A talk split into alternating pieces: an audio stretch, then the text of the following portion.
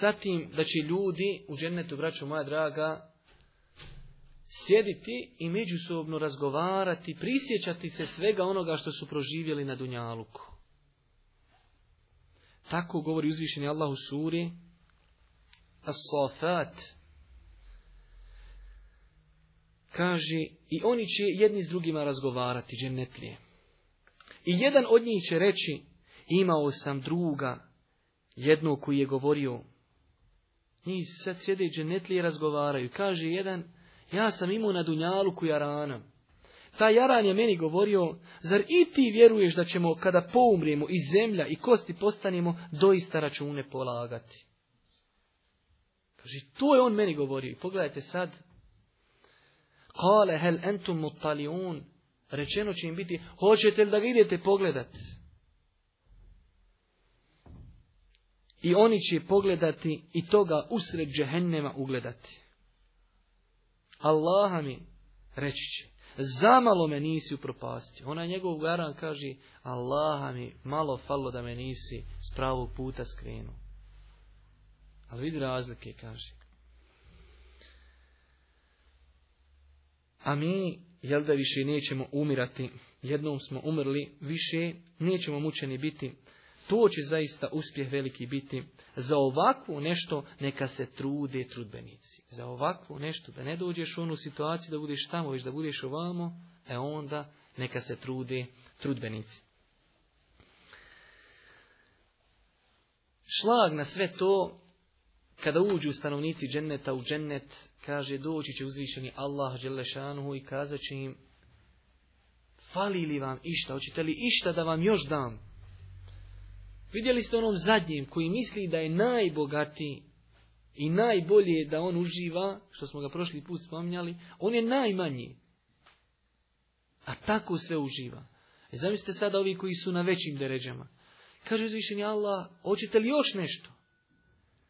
Pa kažu, gospodaru, zar nam nisi naša lica bijelim učinu svijetla naša lica? Zar nas nisi u džennetu uveo? Zar nas nisi u džehennema spasio? Šta bi viši? Kaže, fe ful hijab, pa će Allah svoj zastor između njih i njega skloniti. Kaže, za njih neće biti većeg uživanja nego da gledaju lice uzvišnog Allaha subhanahu wa ta'ala. I od tih nekih interesantnih stvari, ovo sam zaista ostavio zakra da se čovjek i nasmije. Ljudi u džennetu će imati neke želje, ipak, ljudi kod ko Kaže, bit će ljudi, kao što je zabilježeno u vjerodostojnom hadisu, da će poželjeti da imaju djecu, čisto da se rađa. Ne može čovjek naučiti na alte se rađa.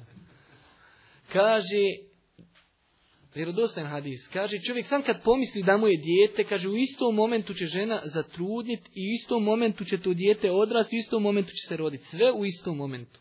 Znači u dženetu šta god čovjek pomisli i šta god zaželi odmah. Ima još jedan smješni hadis. Hadis koji je vjerodostojan, koji izbilži vam Buharija. Stvarno smo mi onaj tankistići znanja da Allah sačuva.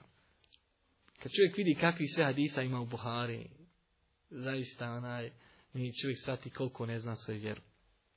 Kaže se da je došao jedne prilike jedan čovjek beduin iz Badije, iz pustnje, došao kod poslanika. I poslanik priča o džennetu. I kaže, Boži poslanik, dođe, kaže čovjek u džennetu i kaže, gospodaru, ja tražim dozvolu da ja idem što god sijat.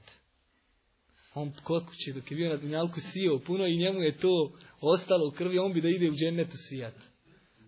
u mu ležat, odmarat, kaže, ja bi gospod idem sijat. Kaže, Allahu poslanik, on kako je trepnuo okom, i kako je vratio svoj treptaj oka, to što je on planirao sijat, ono je odmah se i posijalo i niči i plodovi su ogromni ko planine. Še znači, šta god poželiš. I sada dolazi na taj beduin koji tu sve sluša.